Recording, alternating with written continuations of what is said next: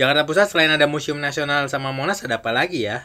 Kalau di Jakpus mah Eh, Caca, Caca, tunggu dulu kali. Kenapa belum, nih? Belum nyapa sobat sejuk tapi udah asik berduaan aja. Parah banget, aku nggak diajak. Oh, ini udah mulai ceritanya podcastnya. Ya Udah, Mas. udah ternyata Iya, ya. Oke deh, kalau gitu kita sapa dulu Sobat Sejuk. Halo Sobat Sejuk, jumpa lagi bersama saya Arif dan juga Hanum. Ada aku Ica di sini. Hai Iya. sobat sejuk. Aduh, ciri khasnya suaranya khas banget ya Ica ya. Iya, tinggi-tinggi gimana Tinggi-tinggi ya? gimana gitu ya? Oh ya terkenalnya di reels doang soalnya Hmm. biasanya. Ya udah nih lanjutin deh. Tadi ngomongin apaan sih? Aku FOMO nih. Jadi gini Num, Mas Arif tuh pengen ngajak anaknya jalan-jalan wisata edukasi. Nah dia minta deh referensi jalan-jalan di Jakarta tuh di mana. Kalau Monas kan udah pernah. Hmm. Tapi di Jakpus tuh banyak gitu. Jadi aku mau ngasih insight nih buat Mas Arif. Eh, emang kamu tahu? Loh, aku tuh super keluarga. Kalau nggak hafal seluk Anak beluk Jakpus dia tuh. Iya. Nah, kalau Karena emang ibunya di Jakpus kerjanya. benar. Iya. kalau nggak hafal nanti bisa digeruduk warga kan. Terus sarannya apa dong kira-kira kalau Jakarta Pusat? Ada banyak mas, ada museum penulisan naskah proklamasi, ada museum Sasmita Loka G30 SPKI itu Hmm. rumahnya Ahmad Yani sama Ya, Ahana ya. Nasution. Tapi di dekat kantor kita juga ada sih. Mas tahu itu nggak Taman Prasasti? Taman Prasasti kan kuburan bukan? Iya kuburan Hmm. parah banget mas anaknya disuruh bawa ke kuburan. Sambet anak gua ntar. Itu nggak gitu. Ada banyak mas, tapi nggak usah takut juga sih, Mhm. karena di sana tuh udah nggak ada jasadnya gitu. Jadi tinggal kereta mayatnya sama peti-petinya doang. Jadi nggak serem-serem banget lah. Itu gimana ceritanya pemakaman nggak ada jasadnya cak? Nah, jadi sebelum diresmiin tahun 1977, pemakaman Kerkoflan ini, oh ya lupa ngasih tahu, nama pemakamannya tuh sebelum jadi Taman Prasasti namanya Kerkoflan guys. Jadi jenazahnya udah dipindahin di tahun 1970. Jadi sekarang isi di Taman Prasasti itu cuma nisan sama si kereta kencananya itu. Jadi nggak seharusnya sih nggak seserem itu ya. Oh. Oh iya betul, tapi tetap aja ya namanya pemakaman kan ya nggak recommended lah ya buat anak-anak apalagi kalau masih TK gitu, agak-agak ya serem lah gitu. Takut ketempelan ya mas ya. Mm-mm. Ntar sawan anaknya.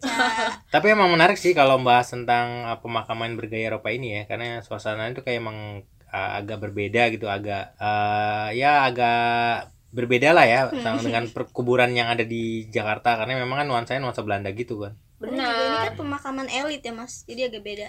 Tapi Iya. ada persamaannya sama pemakaman di Indonesia. Apa tuh? sama-sama panas gak kuat deh aku deh ampun ampun Emang sih Jakarta emang lagi panas-panas. Tapi kalau ke tempat bersejarah kayak Museum Prasasti, aku mah gas ngeng aja nggak sih? aduh nggak kuat deh Num aku nggak mau panas-panasan Hmm. Soalnya aku penasaran cak, di situ tuh kayak gimana secara realnya. kayaknya Hanum tahu banyak nih soal Taman Prasasti coba spill the tea ke kita kita gimana nih Nom Oke, jadi guys, berdasarkan arsip Kompas tanggal 19 Desember 2004, Museum Prasasti sebelum dijadiin tempat cagar budaya itu dulunya pemakaman Kristen elit Eropa gitu. wow Hmm. Nah, pemakaman ini tuh berdiri udah lama banget dari tahun 1795.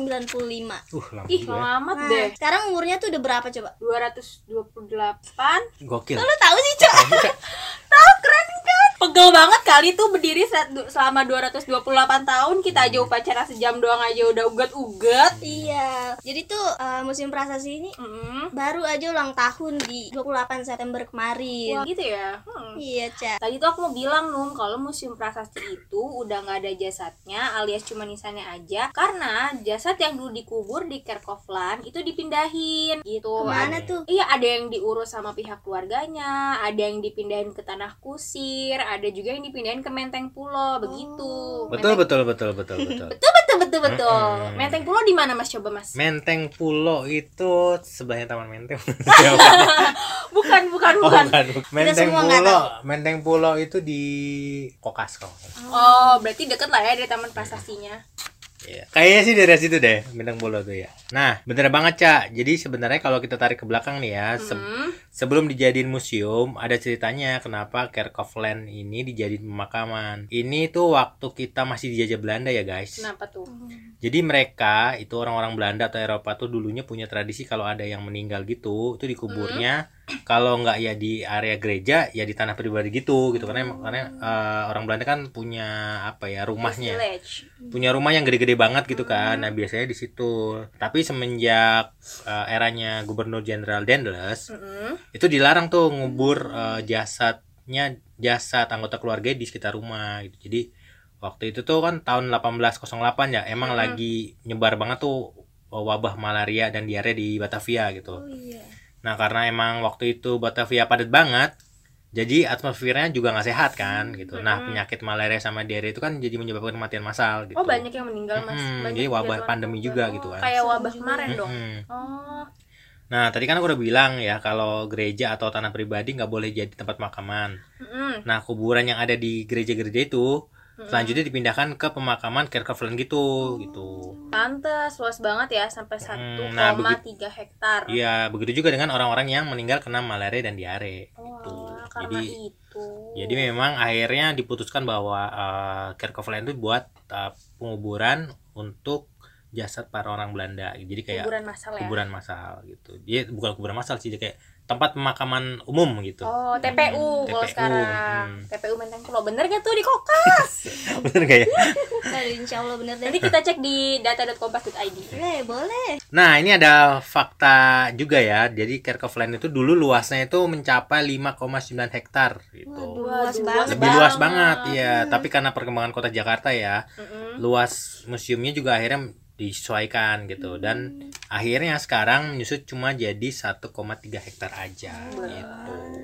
Udah nggak sepegel itu kalau mau muterin makamnya gitu kan. Jadi kalau teman-teman sobat sejuk tahu gitu ya, eh, lokasi Taman Prasasti ini kan berada di depan halaman kantor Wali Kota Jakarta Pusat. Nah, arena arena Wali Kota Jakarta Pusat itu memang dulunya bekas kuburan, kuburan Belanda itu yang sekarang diubah jadi yaitu Wali jadi kantor kota. Wali Kota. Jadi dulu arenanya memang mencakup sampai wilayah situ dan sekitarnya Ih, gitu. serem banget ya. Hmm, jadi memang waktu itu kalau nggak salah di eh, kebijakannya Gubernur Ali Sadikin. Oh, Gitu. gubernur. Serem banget ih gedung-gedung bekas makam gitu. BTW nih guys, berdasarkan arsip Kompas tanggal 10 Juni tahun 2008 ya. Kenapa tuh mas? eh, Museum Taman Prasasti atau Pemakaman Kebon Jahe, Kober ya, atau Kerkhoffland. Jadi itu namanya selain Kerkhoffland disebut juga tempat pemakaman Kebon Jahe. Nah, Hmm. itu jadi salah satu tempat pemakaman tertua di dunia gitu. Wow. Bahkan ya eh, dari arsip Kompas ini Mm-mm. dikatakan bahwa lebih tua dari pemakaman Mount Auburn Cemetery di Cambridge Amerika Serikat gitu. Yang katanya diklaim jadi TPU modern pertama di dunia. Jadi tetap masih tuan Kerkhoffland gitu. Apa mas tadi namanya mas agak belibet gitu? Ya aku Ah, agak Mount Auburn Cemetery di Cambridge Semoga sobat sejuk bisa dengar namanya ya karena aku pun yang di studio agak pusing dengernya. Jadi nama pemakamannya itu Mount Aub- Auburn Cemetery Eh, di Cambridge, Amerika Serikat. gitu Ya, tapi betul sih kata Mas Arif. Kenapa tuh? Ya, masih tuaan Kerkhoffland dibanding Mount Auburn. Susah banget ya namanya ya. namanya bahasa Indonesia ini. nih. Nah, FYI aja nih. Dulu nih di Kerkhoffland tuh ada 4.600 batu nisan. Banyak kan? 5,9 hektar ya. Tapi sekarang tuh cuma sisa 1.242 nisan aja. Hmm. Nah, salah satu nisan yang masih ada di Taman Prasasti itu termasuk nisan istri dari Gubernur Jenderal Thomas Stamford Raffles, Hmm. yaitu Olivia Marianne Raffles yang meninggal dunia di tahun 1814. Oh. Hmm, iya, iya, iya, iya, Ya, iya. terus Tahu, ada tahu, juga nih mas Hmm. aktivis keturunan Cindo Suhoki. Terus nih selain itu juga ada peti mati dari Bung Karno dan Bung Hatta cak keren banget gak tuh? Oh. Nih tadi nama nyebutin namanya lancar banget ya. Latihan berapa hari nih Numi? Aduh udah lima hari nih. Oh dibaca-baca terus apa nih supaya gak belibet gitu ya Keren keren Num Tapi selain pejabat penting kayak mereka Di saya juga terkenal ada patung marmer perempuan Yang konon katanya Ini konon ya Iya. Suaminya tuh meninggal nggak lama setelah mereka menikah gitu Waduh. Karena Iya. kena malaria itu Iya, mas iya, yang iya, Mas iya. Pernah lihat itu. gambarnya, pernah lihat gambarnya. Nah iya, iya aku sih nangis ya kalau jadi dia masih manis-manis itu real sih gambarnya gitu Oh, kayak iya. orang beneran. Oh iya. Nah, aku kalau jadi dia nangis-nangis sih baru awal nikah, terus suaminya sakit, sakit kena wabah, terus meninggal lagi. Sampai akhirnya karena mungkin dia frustasi kali ya, terus bunuh diri deh. Oh my God. akhirnya patung ini tuh digambarkan berbaring di atas nisan karena nggak sanggup nahan kesedihan ditinggal Hmm, suaminya. jadi di atas kuburannya dibikin patung kayak gitu Iya, ya buat menggambarkan uh, kesedihannya gitu Oh, ya. iya, jadi ilustrasi semasa hidupnya gitu ya mas. Hmm. Iya Tragis ya, loh, mana tragis. kasihan Hmm, banget lagi baru nikah. Mm-mm, definisi sehidup semati. Hmm, Hmm. Nah, tapi selain makam-makam yang kalian sebutin tadi nih ya, Mm-mm. di sana juga ada satu bangunan tugu yang warnanya hijau gitu, Mm-mm. yang ikonik di Taman Prasasti, guys. Kenapa tuh ikoniknya? Karena letaknya tuh di tengah makam dan Mm-mm. bentuknya tuh kayak katedral gitu, jadi kayak lancip, terus ya monumen lancip kayak mirip kayak bentukan gereja, Gereja. katedral gitu Oh. kan. Nah, bangunan ini tuh dibangun buat menghargai jasa panglima perang bernama JJ Pier ya, yang dinilai berjasa banget buat pemerintah Belanda kala itu. Gitu. Kalian mesti lihat deh kalau ke Taman Prasasti karena memang eh, langsung begitu kita masuk gerbangnya, kita langsung lihat itu eh, Oh. bentukan bangunannya. Jadi kalau letaknya di center banget gitu. Mm, aku udah pernah lihat sih di sosmed Hmm. tapi Ya, aku kira langsung num tapi kaget nyentrik banget. loh warnanya warna hijau cak Oh, alah. aku belum pernah lihat sih karena belum pernah ke sana juga ya. Even Hmm. mamaku kantornya di sebelahnya. ayo dong kapan-kapan ke sana malam-malam Takut. Waduh, waduh tak ketempelan tuh. kita nongkrong malam-malam di pemakaman Enggak mau ma- enggak mau ngasih banget tuh. Mending makan tahe taichan. Aduh, ya udah deh. Tapi selain itu nih aku penasaran banget sih mas sama makam Belanda gitu. Kalau di Indo kan makamnya tuh selalu panjang ya. Hmm. Tapi kalau di Taman Prasasti nih, kalau aku lihat di sosmed, bentuknya tuh agak beda dari pemakaman di Indonesia. Ada yang kayak kotak tapi agak tinggi. Nah, itu kenapa tuh mas? Kenapa Ya, juga terus jadi- ada patungnya? Ini kalau dari penjelasannya Arsip Kompas tadi ya tanggal 10 Juni tahun 2008 ya kalau kita lihat bentuk-bentuk makam di Museum Prasasa itu emang banyak banget bentuknya gitu ya terutama di bentuk nisannya gitu jadi kayak ada yang bentuknya segi empat panjang dan dibikin dari granit gitu nah itu tuh eh, kategorinya batu nisan waktu zaman VOC di abad 17 atau 18 Ih, udah lama gitu. banget ya. Mm. Nah, maka mereka juga identik sama gelang-gelang di keempat sudutnya. Ini tuh eh, memang apa ya kayak bentuk Khas. bentuk khas gitu ya umumnya berbentuk kelder atau ruang bawah tanah gitu. Jadi fungsinya itu ya buat pintu masuk itu gitu. Oh. Jadi kalau misalnya ada keluarga yang meninggal di kemudian hari, terus kemudian jenazahnya bakal diangkat, nah gelang itu supaya ngebantu buat misalnya juga bisa bantu ngangkat gitulah istilahnya, ngangkat Oh. petinya gitu. Jadi memang sudah dipikirkan betul gitu desainnya gitu. Aku sebenarnya nggak ada bayangan sih mas karena aku nggak tahu kayak gimana bentuknya. Nah, kamu kayaknya harus ke sana. Aku juga belum pernah ke sana sih. Hmm, Ayo ke sana rame-rame. Nah. takut banget. Nah, waktu zaman Belanda nih eh, banyak banget patung-patung eh, berbentuk malaikat ya yang di apa dibangun dan ditempelkan di atas batu nisannya gitu. Mm-mm. Itu sebagai ilustrasi sebetulnya sih. Jadi kayak eh, perempuan yang tadi Ica sebutin tadi gitu. Jadi modelnya memang selain eh, ada apa namanya? bentuk eh, miniatur, mungkin miniatur patung atau apa ya. Jadi kayak semacam ornamen lah, ornamen Mhm. bagian dari bangunannya yang menggambarkan eh, tentang kehidupan dia di eh, masa hidup gitu kan. Oh. Jadi selain ada bentuknya tadi perempuan tidur, ada juga banyak juga ditemuin eh, eh, patung-patung malaikat gitu. Hmm. Patung-patung malaikat yang bersayap kayak cupid tahu kan gitu? Cupid Nah, gak Cupid. tuh? Cupid. Cupid, Serem cupid. Cupid, cupid. Cupid, Ah. kalau di Kompas Tapi- itu cupid. Kalau cupid yang di asmara itu kan eh, happy ekspresinya, ya, Hmm, tapi iya. kalau di sana itu ekspresinya seperti kesedihan gitulah. Jadi kayak Hmm. ya itu kayak eh, menggambarkan tentang eh, kesedihan, kehilangan gitu. Jadi ya malaikat pun ya. ya malaikat pun ikut ber- turut bersedih gitu atas Oh, kepergiannya sedih. gitu. Sedih banget. Nah, tapi sayangnya nih ya, Kenapa kalau dari foto-fotonya memang eh, banyak patung tuh udah nggak utuh lagi karena memang dirusak sama orang yang bertanggung jawab. Gitu. Waduh sayang banget deh kan patung-patung di situ kan sebenarnya termasuk peninggalan sejarah waktu zaman VOC kenapa malah dirusak sih sama orang-orang ih kesel banget deh Hmm. Marahin cak. marah ini injek nanti nih ya kalau ketemu ya sama orangnya ya Nah kalau di nisannya kan biasanya ada lambang-lambang gitu ya mas. Hmm. Nah itu maknanya apa tuh mas? Nah, ini kalau dari buku ya, membuka takbir makna batu nisan Belanda nih ya, terbitannya penerbit buku Kompas nih ada nih yang bahas khusus gitu ya Mm-mm. tentang lambang-lambang yang ada di eh, makam makam Taman Prasasti. Nah, lambang-lambang itu disebut namanya heraldik gitu.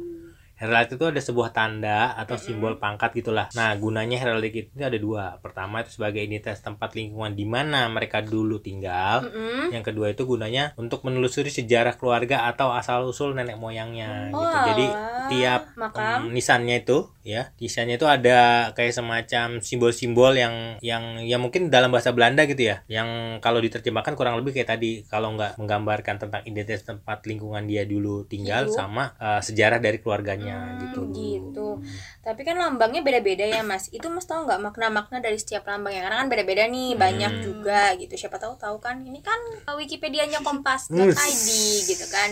Nah ini tadi mengacu tadi buku tadi ya membuka Mm-mm. tabir makna batu nisan itu jelasin bahwa eh, lambang misalkan ya lambang Mm. helm berteralis itu biasanya digunakan buat kaum bangsawan gitu orang-orang kayak ya cere-cere gitu nggak nggak dibuatkan lah gitu kalau orang rendahan gitu. Nah, ada juga yang lambangnya perisai ini menunjukkan keseimbangan antara baik dan buruknya manusia. Jadi maknanya ya nggak ada manusia yang sempurna gitu karena kesempurnaan hanya milik Tuhan. Salah, milik Rizky Febian. Oh, Waduh. alah, lagu. Aduh. Lagu nom itu lagu. Jok om-om. Jok, bapak-bapak bukan om-om lagi ini mah. Tapi ya katanya tuh di inskripsi di batu nisan Belanda nentuin kalau mereka pejabat tinggi atau rakyat jelata. Maksudnya gimana tuh? Nah, kalau itu aku tahu. Oh, jadi Hanum kali ini Nah, aja sih. Gantian. Gantian Nah, Wikipedianya.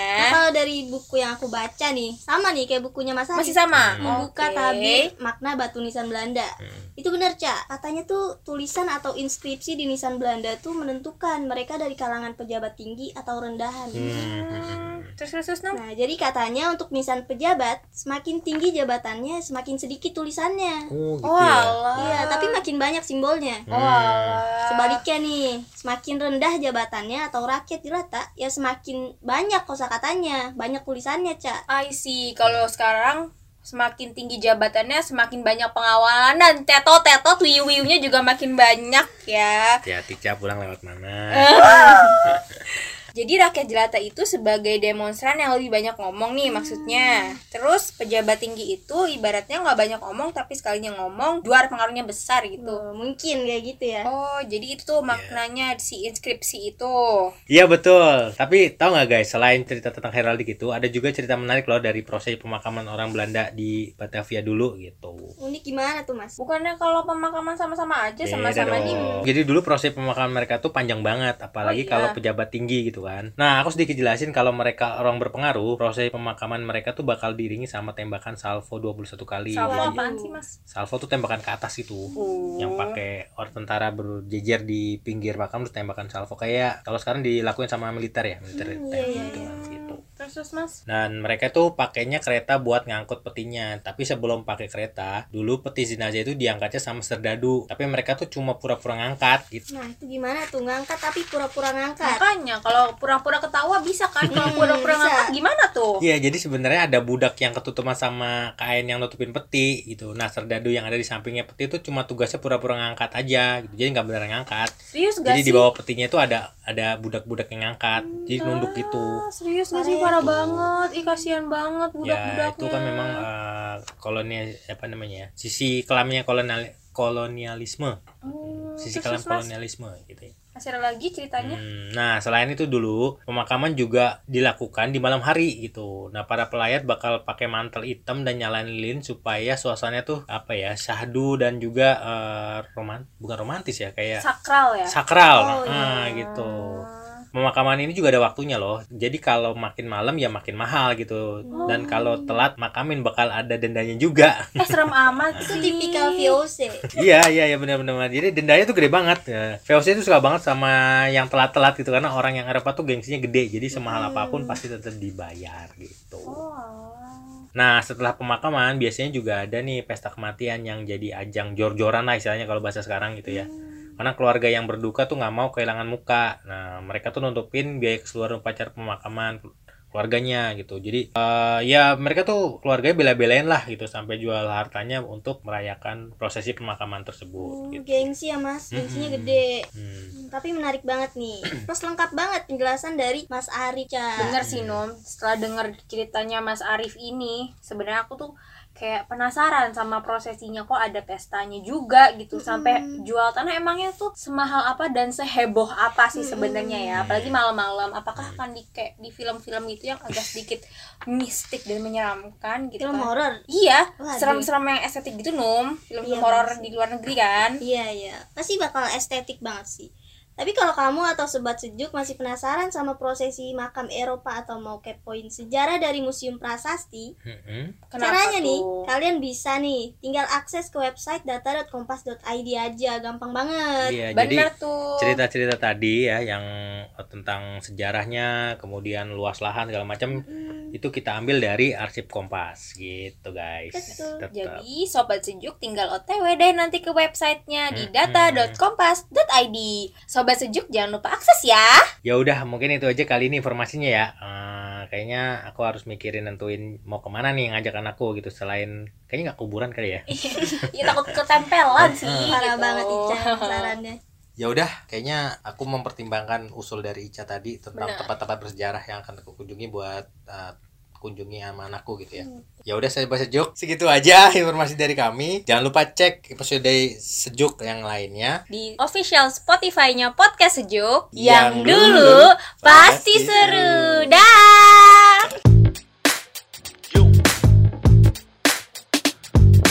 Negara demokrasi penuh dengan histori, berbagai cerita kadang masih jadi misteri. Sejuk sejarah unik kompas.